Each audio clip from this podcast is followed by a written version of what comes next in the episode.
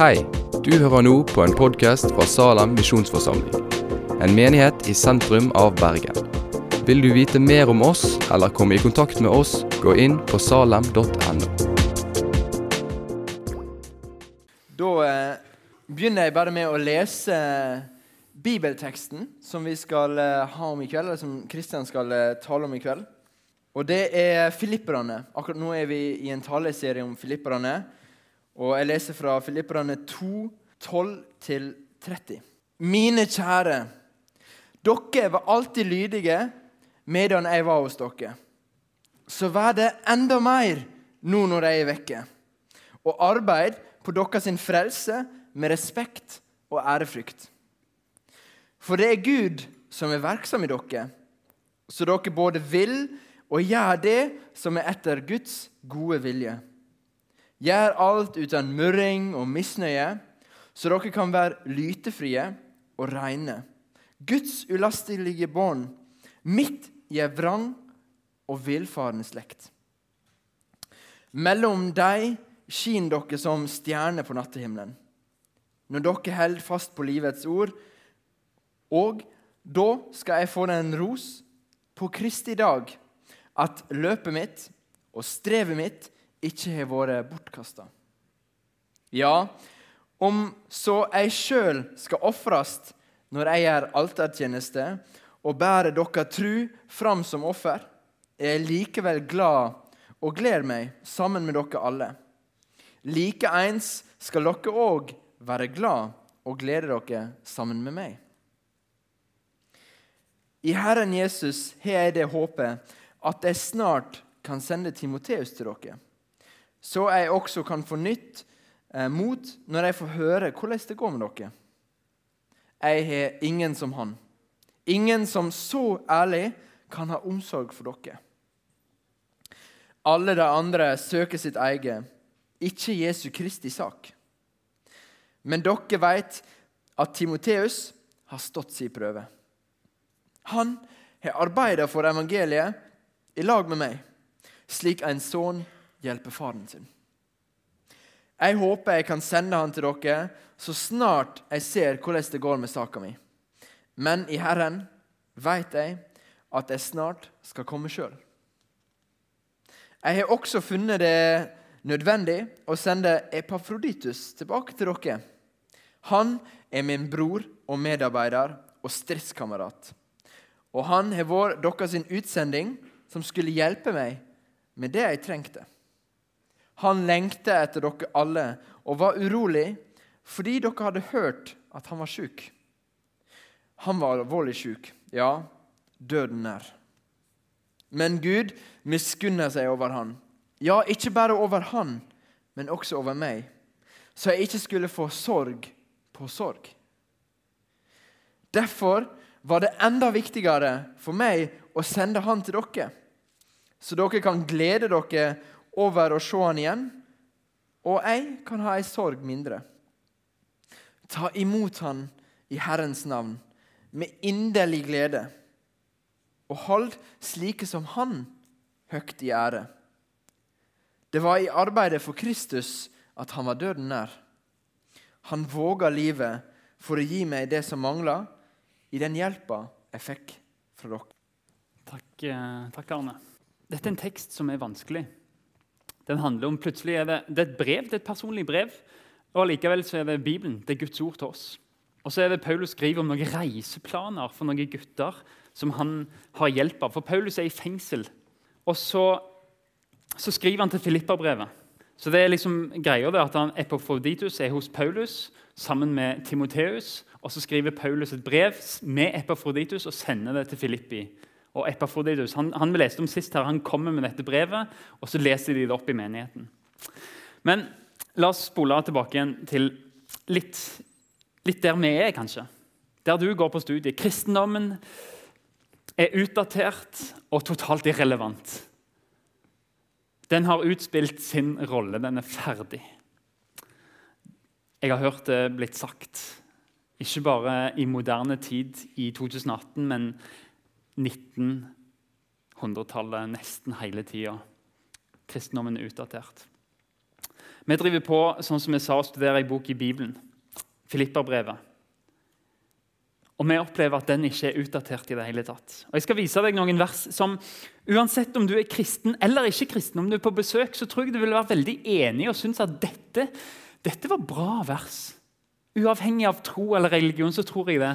Men Filipperbrevet 1 så skriver Paulus han ber for filipperne og sier jeg ber om at deres kjærlighet må bli mer og mer rik på innsikt og dømmekraft, sånn at dere kan forstå og avgjøre hva som er viktig og stå rene og uten feil på Kristi dag, fullt av rettferdsfrukt, som vokser fram ved Jesus Kristus til lov og ære for Gud. Og Det er en god ting. og kanskje Hvis du ikke helt er inne i bibelterminologien, så ser du frukt. Hva i all verden?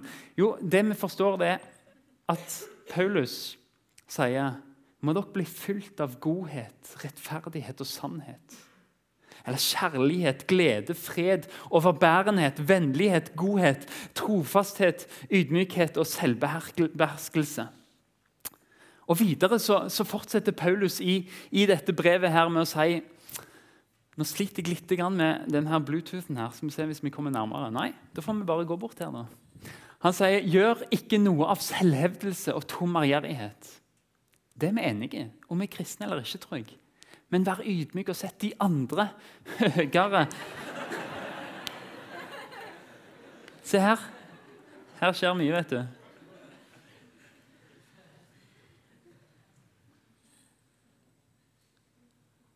Tar helt av.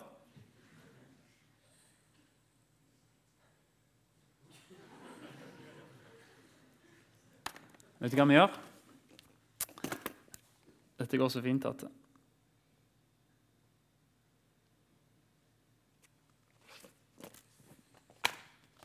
Ok.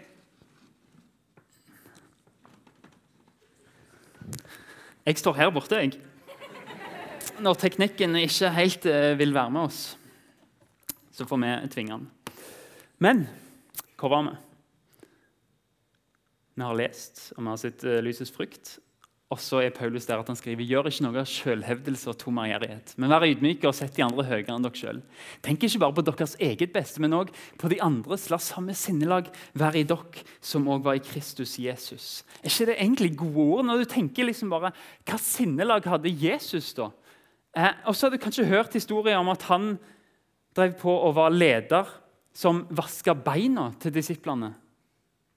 Han var ikke sånn som sa og herska med dem og bare hersa med dem. og alt mulig. Han kom som en leder og vaska beina deres. Ikke bare det, Han var Gud, men ble menneske og døde på et kors fordi at vi skulle bli frelst. Så valgte han å dø, ta vår straff. Og Så sier Paulus er ikke det en god ting å jobbe etter. Jeg tror vi kan være enige uansett. Og Senere sier han la alle mennesker få merke at dere er vennlige, for Herren er nær. Alt som er sant, edelt, rett og rent, alt som er verdt å elske, og akta. Alt som er til glede, og alt som fortjener ros. Legg vind på det. Er ikke det egentlig ganske ålreite ord, selv om en ikke er kristen? Og, og, liksom, ja, Her er det jo mye bra verdier. Og I dag så leste vi om, om eksempler på dette faktisk, i den teksten som Arne leste. For Timoteus, som han leste om han, Paulus sier om han er at han har oppriktig omsorg for andre. Han er ikke opptatt av sitt eget beste, men han er opptatt av andres beste. Og han er nær venn av Paulus. Han er hos Paulus når Paulus er i fengsel og skriver dette brevet. Så hjelper Timoteus han. Og han støtter Paulus. Han er en som kommer og besøker han i fengsel. Og så har du Epafroditus, som forlot alle vennene sine i Filippi, alle familiene sine for å reise til Roma. Og Det er ganske langt hvis du ser på et kart. Iallfall på den tida der det måtte over sjø og på båt. og det var Alt mulig kunne skje. Og det som faktisk skjer er at Han kommer til Paulus med en pengegave. fordi Han er i fengsel, han trenger det. Det er ingen som tar seg av Paulus der. Men han kommer fra Filippi for å ta seg av Paulus og for å hjelpe han. Og Han risikerer livet. Og det var faktisk sånn at Han ble dødssyk, og Paulus var redd for at han skulle dø. Men så nå sender han han tilbake til Filippi. Selv om han har bruk for en egentlig, som kan lage mat for han i fengsel, som kan stelle for han, så sender Paulus han tilbake. Og Sånn ser vi eksempler til etterfølgelse. Paulus også, som sitter i fengsel. og så allikevel, Selv om han trenger Epafroditus, sender han til Filippi fordi han vet at de lurer på hvordan det går med han, for de hørte han var syk. De lengter etter han. Og han sender han selv om han trenger han. Og ikke bare det, Han skriver en kjempegod attest som de leser opp i kirka der, sånn at de skal være helt sikre på at han har ikke sneket seg inn av jobben. Paulus sier dette har vært en stridskamerat for meg. Det har vært så viktig at han var her. Og Tidligere i brevet så sier Paulus at jeg kan tenke meg å dø, egentlig, for da kommer jeg til å være med Jesus. Men det er det beste for meg. Men fordi det er bra for dere at jeg lever, og fortjener dere, så vil jeg leve videre. Og Paulus har masse eksempler som, som egentlig er bra. Det å sette andre mennesker foran seg sjøl det er mye av det Filippa-brevet handler om. Men vi ser jo at til og med ikke-kristne tenker jo at ja, her er det noe fornuftig. Det er en god verdi her. Dette er bare noen eksempler for hva troen gjør med mennesker. Kristendommen har med seg et sett med verdier som er bra for verden. Vi kan alle være enige, kristen eller ikke kristen, at det vi nå har lest, og de eksemplene vi har sett, det hadde vært bra om alle fulgte dem. Jeg tror det hadde vært en fin verden å leve i. Folk som setter hverandre foran seg sjøl. Og tar vare på hverandre og besøker hverandre når vi trenger det.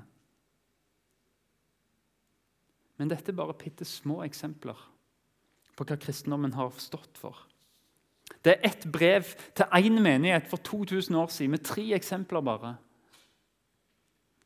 Men mye har skjedd siden da. Jeg vet ikke om du noen gang har stilt deg spørsmålet hva hvis kristendommen aldri hadde eksistert? Hva hadde skjedd hvis vi bare hadde fjerna kristendommen med en gang han kom? Hvordan hadde verden sett ut? For hva har egentlig kristendommen bidratt med i det hele tatt? Jeg skal ta dere med på en veldig veldig, veldig rask løpetur gjennom noen ting. En løpetur der jeg vil tillegge æren på det vi ser, til kristendommen. Og kanskje er du uenig.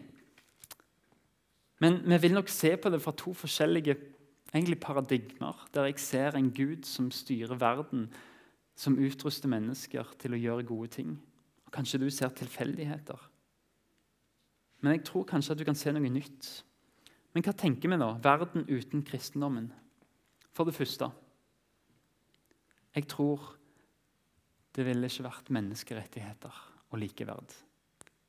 Når kristendommen kom, så var det ikke menneskerettigheter. Hvis du var slave, så var du boss. Hvis du var kvinne, så var du lavere rangert. Hvis du var barn, så kunne du risikert å blitt ofra. Kristendommen kom og sa nei, nei, nei, nei, nei, stopp, stopp, stopp. Vi er skapt i Guds bilde. Vi er verdifulle. Og den tankegangen kommer eksklusivt fra Bibelen. Alle mennesker er skapt av Gud med lik verdi. Jeg kunne sagt mye om det, men det er bare en joggetur gjennom disse punktene. Kvinner ville vært mindreverdige. Aristoteles, en av de store filosofene, han sier at en kvinne Mannen er her oppe, slaven er her nede. En kvinne er sånn cirka imellom i verdi. Det var den regjerende tankegangen før kristendommen kom. Jentebarn ble kasta ut for å dø i skogen fordi de ikke var verdsatt. Og Sånn var det i Norge òg. Kirka kom og sa nei, dere får ikke lov til dette.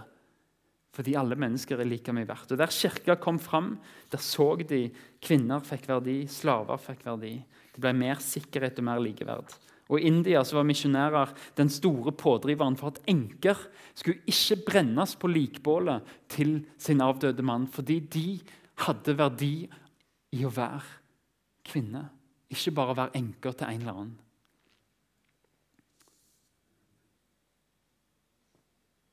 Vi ville hatt lavere syn på mennesket. For Før kristendommen kom, så var, så var det dualisme. Ånden var god. Kroppen den var vond, materien var vond. Den bare prøvde å få ånden til å gjøre dumme ting. Og Det var to måter å, å reagere på det på. Noen valgte askese, flytta ut i ørkenen, ikke spiste, ingen bare bodde i ei hule, gjorde ingenting. Andre bare tenkte ok, vi kan gjøre hva vi vil, vi har bare fri flyt av sex, drugs and rock'n'roll. Rolling Stones spilte faktisk live i Roma, det er jeg ganske sikker på. Men, men kristendommen kom og sa nei, nei, nei. Kroppen din har verdi. den er skapt av Gud. Det har noe å si hvordan du behandler din kropp og andre sin kropp, fordi den er verdifull. Den er god, den er skapt av en Gud. Dine følelser er viktige i å fortelle hvordan kroppen har det. Det er tankegangen der kom med kristendommen. Slavehandelen ville ikke stoppe så fort. Kanskje ikke i det hele tatt. Ja, mange kristne har hatt slaver. Men i starten var det sånn at slavene fikk lov til å være med i gudstjenesten og tilbe på samme linje som eierne. De så at mennesker har lik verdi. Ifølge en historiker som heter Glenn Sunshine, kult navn, eh, så var de første i historien til å stå opp mot systematisk slaveri, det var de kristne. Og William Wilberforce han ante fred og ingen fare. Så ble han kristen, og så ble han kristen, så sa han vet du hva, dette slavehandelen mellom USA, Europa og Afrika dette må stoppe. Det er ikke riktig. Kristendommen var en katalysator for å få slutt på slavehandelen. Og I dag så er det toneangivende at det er kristne organisasjoner som kjemper mot sex trafficking og moderne slaveri. Det ville vært mye mindre organisert humanitært arbeid. Eksemplene er mange. Mor Teresa, Frelsesarmeen, Evangeliesenteret, sykehus en kristen oppfinnelse. Helsefaget er det er sykepleier. Det var en kristen utdannelse. Jeg ble født på et sykehus i Tanzania der de ikke hadde sykehus, men det var misjonærer som kom og sa vi skal starte sykehus. De trenger det her. Skoler det starta som bibelundervisning konfirmasjonsundervisning i Norge. Av de første 123 colleger i USA så var det bare ett som ikke var kristent. Fordi kristne så at her har vi et ansvar.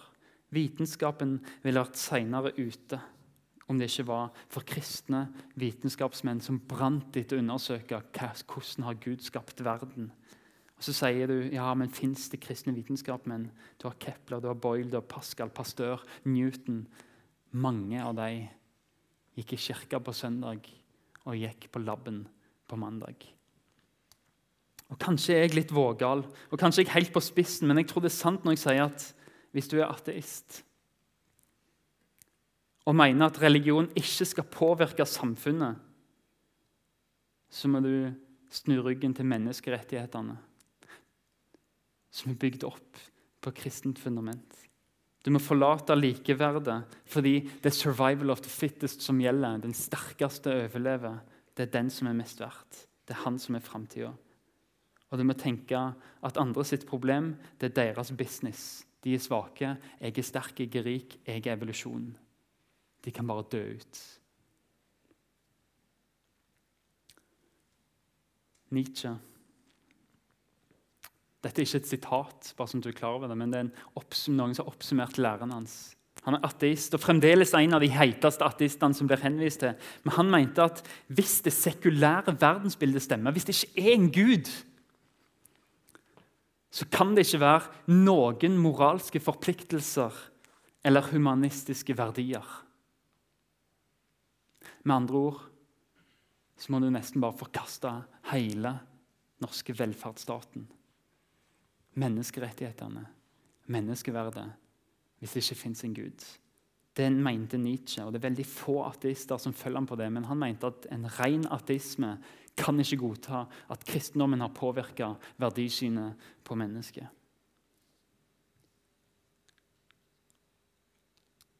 Jeg Kanskje har jeg provosert nok nå, hvis du er på besøk. Men for meg så viser det at kristendommen har påvirka historien. Og Jeg har lyst til å forklare hemmeligheten bak det. Hvorfor jeg tror at det er sånn. Og Paulus skriver det i teksten. Arne har allerede lest det, men vi leser det igjen. Mine kjære. Dere har allerede vært lydige mens jeg var hos dere. Så er det enda mer når jeg er borte. Og arbeid på deres egen frelse med respekt og ærefrykt. For det er Gud som er virksom i dere, så dere både vil og gjør det som er etter Guds gode vilje. Guds gode vilje er menneskeverd å ta vare på skaperverket. Å vokse til å bli mer lik Jesus, som satte andre mennesker foran seg sjøl. Men én ting når jeg leser dette, det er noe som skjærer i øynene. For jeg leser konfirmasjonsundervisning på søndagsskolen. Du blir frelst av nåde. Hvis du tror, så blir du frelst. Og så skriver Paulus 'arbeid på deres egen frelse'. Det er et eller annet der som ikke helt får til å stemme opp første gangen du leser det. Er det ikke motsatt av kristendommen? Det er jo Paulus sjøl som, som kommer at av nåde er du frelst ved tro. Dette er ikke av gjerninger, skriver han en annen plass. Så tenker vi Her må vi stoppe litt opp og se litt, prøve å forstå. Og Av og til er det sånn at For å forstå hva Bibelen sier, så må du forstå hva ord Bibelen bruker. Og det er det vi skal gjøre nå. Vi skal plassere noen ord inn i denne konteksten, så vi forstår hva Paulus mener, og hva kristendommen egentlig handler om dypest sett. Bibelen snakker mye om frelse. Kanskje er det hovedbudskapet til Bibelen er frelse. Og Hva er egentlig frelse? da? Jo, det er å bli berga. Bibelen har mange eksempler. Det er å bli redda fra noe, fra nød, fra fare. Fra dom, fra slaveri, fra død, fra synd. Fra Guds straff, fra Guds vrede. Hvis du lurer på hva Guds vrede er, så kan du høre podkasten fra forrige lørdag. Men det er å bli berga fra fortapelse og fra helvete. Bibelens store budskap er hvordan kan Gud berge oss fra det? Og Jesus sier jeg er ikke kommet for å ødelegge menneskeliv. Jeg er kommet for å frelse. Det Jesus sier, at 'jeg er kommet for å frelse', og det motsatte av å frelse det er å ødelegge. Så faktisk så er frelse det å, å gjenopprette. Sånn som Gud mente det og skapte det. Overmåte godt, kalte han det da. Og Bibelen er veldig klar på at det er utelukkende én frelser. Det er kun Jesus i apostelgjerningene så står det og det er ikke frelse i noe annet. For det fins ikke noe annet navn under himmelen gitt blant mennesker som vi kan bli frelst ved. Og Da viser de til navnet Jesus. Og Hvordan får en del i den frelsen? Den som tror på Jesus, er frelst. Og Det skriver Paulus som jeg sa, for av nåde er dere frelst ved tro. Og Dette er ikke av dere sjøl, dette er Guds gave. Det er ikke gjerninger for at ingen skal rose seg. Problemet vårt nå er at dette passer jo ikke med det vi nettopp leste om at vi skal arbeide på vår frelse. Vi skal arbeide på vår frelse. Men begrepet frelse det inneholder mye mer enn bare dette. Og Nå skal dere få en treat. Dette er rett og slett bibelskole på ti minutter. Det er to ting, to begrep som jeg vil dere skal tenke når dere hører ordet frelse. To vanskelige ord, egentlig. Kanskje har du hørt dem. For å forstå ordet frelse så er det to ting vi forstår. Det ene er rettferdiggjørelse. Vanskelig ord. Heng med, jeg skal forklare det. Når Paulus bruker det ordet, når Bibelen bruker det ordet, rettferdiggjørelse eller rettferdiggjort eller rettferdig, så snakker han om en juridisk status. Altså, Det fins en dommer, og det fins en tiltalt og det fins en aktor. Det fins en som sier 'han har gjort noe galt'. Det fins en som sier 'ja, jeg har gjort noe galt'. Og det fins en dommer som sier 'jeg dømmer deg rettferdig'. Det er det som skjer. En dommer som dømmer deg rettferdig. Frifunnet, uskyldig. En som Gud gir en status som Gud gir til deg som tror. Når du tror, så blir du rettferdig. Og det skapes en fred mellom Gud og den troende. Fordi Jesus døde på korset, tok den straffen som vi skulle ha, så sier Gud du er rettferdig, for Jesus har betalt bota di. Dette ordet blir alltid brukt i fortid. For Paulus skriver men nå er dere vasket rene. Dere er gjort hellige. Dere er gjort rettferdige. Hvordan da?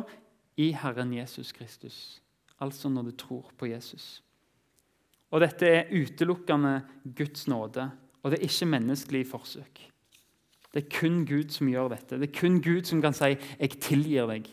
Fordi Det er kun den med syndemot som kan tilgi. Og Dypest sett så er det Gud vi synder mot når vi synder mot mennesker som han har skapt, når vi synder mot naturen som han har skapt, når vi synder mot oss sjøl som han har skapt. Det er kun Gud som kan tilgi. Bibelen lærer at vi kan ikke få tilgivelse for våre synder. Vi kan ikke bli rettferdiggjort for Gud i oss sjøl, i vår egen gjerning eller godtgjørelse. Men vi får synstilgivelse. Vi blir rettferdiggjort av nåde, altså gratis, fordi Kristus, Jesus, tok på seg vår straff. Og de som har fått denne rettferdiggjørelsen, altså de som tror på Jesus, og som Gud sier nå er du rettferdig Det er det som skjer når du tror på Jesus. De står opp en dag til evig liv. Det er himmelbilletten. Det at Jesus har dødd for oss, at vi tror på det. At han bytter plass med oss. Det er det som skjer når vi begynner å tro på Jesus. Han tar vår straff. Vi får hans liv. Det er rettferdiggjørelse. Men Gud erklærer den rettferdige, den som tror. Men rettferdig allerede nå. Det skjer sånn når en begynner å tro. Og Det er den delen av frelsen som er fortid. En blir frelst i et øyeblikk. Og Der kan en ha sin trygghet og identitet og vite at ja, jeg har himmelbilletten. Fordi det, det gjorde Jesus. Han ga meg den. Jeg har ikke fortjent den, men jeg fikk den. Bare stoppe opp der og si at akkurat den læren her den har gitt trøst til veldig mange mennesker. Som kjenner at de er heimløse. Som kjenner at ting i livet er ikke akkurat sånn som de skal. Som er livredd for å dø. Som har dårlig samvittighet hele tida. Fordi samvittigheten kan ikke få ro og hvile gjennom det vi gjør og prøve å prestere, men bare med troen. Og Det er det Paulus skriver når han sier at vi har fått fred med Gud. Og Det er en filosof som sier det at våre hjerter er rastløse helt til de finner hvile i Gud. Den sier at vi er skapt til Gud, og før vi faktisk får fred med Gud, så er vi rastløse. Det er et eller annet i oss som bare Jeg mangler noe. Livet mangler noe. Jeg mangler tilgivelse. Jeg har ikke hvile.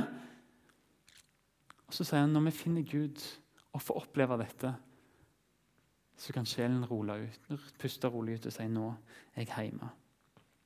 Troen er ikke bare en historisk kunnskap, men det er tillit til Gud. At det han sier, er sant. Og det er Uten sidestykke så er den grønne ringen her det viktigste budskapet i verdens historie. Og Mange vil ikke se det, fordi de tror ikke at historien skal ta slutt. De tror at når de dør, så er det ferdig. Det er mørkt, det er over, det er ut, det er punktum. Men historien hadde en start, det vet vi. Alle vitenskapsmenn vet at en gang så starta verdenshistorien. Den er ikke evig. Det var et big bang, noen kaller det. Jeg kaller det en skapelse. Og På samme måte sier vi at en gang så tar energien i universet slutt. For det er sånn det er. at Det er mye energi. Det blir mindre akkurat som en kaffekopp som settes for seg sjøl. Blir kaldere og kaldere. og kaldere. Til slutt er den lunka. Romtemperatur, det er ikke mer energi igjen i den. Ferdig. Sånn er det med universet òg, sier forskerne. Mange vil ikke se det, men en dag så tar det slutt. Og Han som skapte, skal skape på ny. Og de troende får inn i evighet. Det er like sant som historien har en begynnelse. Og De valgene du gjør her, påvirker evigheten. Og Gud sier at i dag, helt, helt til verdens ende, så kan du ta imot troa. Det er alltid nåde. Det er alltid mulig å komme til Gud. Men som dere ser, så er det plass til mer her. Frelsen er ikke bare rettferdiggjørelse. Da ville kristendommen vært virkelighetsfjern og totalt uanvendelig.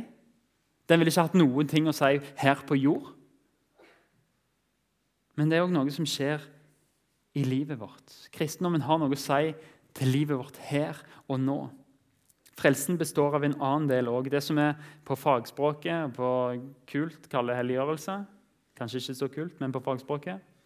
Eh, tanken bak det er egentlig en setning som Gud sier at Gud som er hellig, sier at Gud er hellig, dere skal være hellige. Når dere tror på Gud, så skal dere ligne på Gud. Og Helliggjørelsen det er egentlig den prosessen som går gjennom hele livet, der kristne mennesker har Jesus som forbilde og prøver å ligne mer og mer på Jesus. Et mål som egentlig alle kan ha. Jeg vet ikke om du har tenkt over det, men alle kan ha det målet. Uansett hvor syk du er, så kan du prøve å ligne mer på Jesus i sykdommen din. Uten, og Har du et handikap, så kan du ligne på Jesus akkurat der du er. Uansett hva studie du går på, hva jobb du har, hva relasjoner du har. Akkurat der du er i din situasjon, så kan du prøve å bli mer lik Jesus. Det er et mål som passer for absolutt alle kristne. Det fins ingen plasser der du ikke kan ligne på Jesus. I dødsskyggens dal så kan du se hvordan var han på korset. Når han møtte venner som sleit, så kan du se hvordan møtte han de. Det fins alltid plasser vi kan etterligne Jesus.